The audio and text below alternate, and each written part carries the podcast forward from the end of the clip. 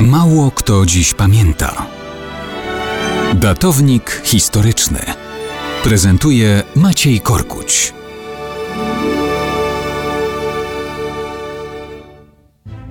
Mało kto dziś pamięta, że 24 czerwca 1921 roku, a więc równe 100 lat temu, Rada Ligi Narodów ostatecznie zatwierdziła przynależność Wysp Alandzkich do Finlandii.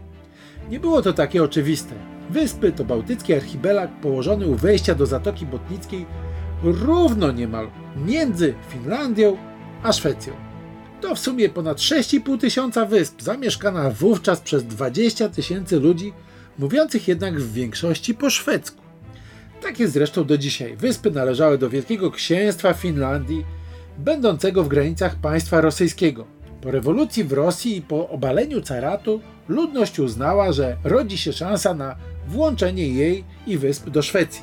Stąd jesienią 1917 wysłano do Sztokholmu delegację z prośbą o połączenie. Król Gustaw V do tego projektu się zapalił.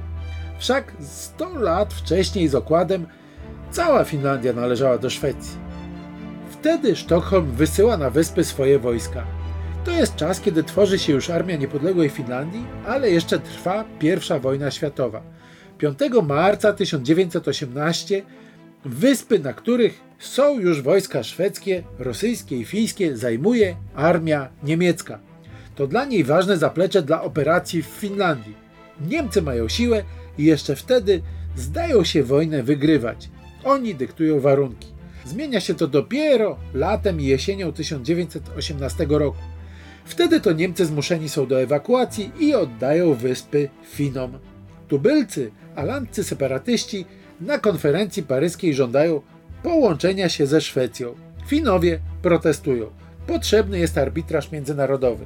W końcu 24 czerwca 1921 Liga Narodów uznaje suwerenne prawa Finlandii do Wysp Alandzkich, ale z zastrzeżeniem demilitaryzacji tego obszaru i autonomii dla ludności. Tak też się stało.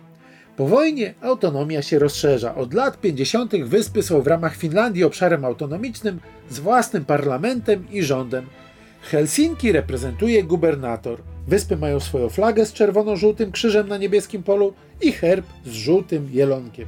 Mieszkańcy pilnują swego. W UE wyłączono ten obszar spod zasady wolności osiedlania się, a w firmach dwie trzecie zarządu muszą stanowić obywatele Wysp Alandzkich.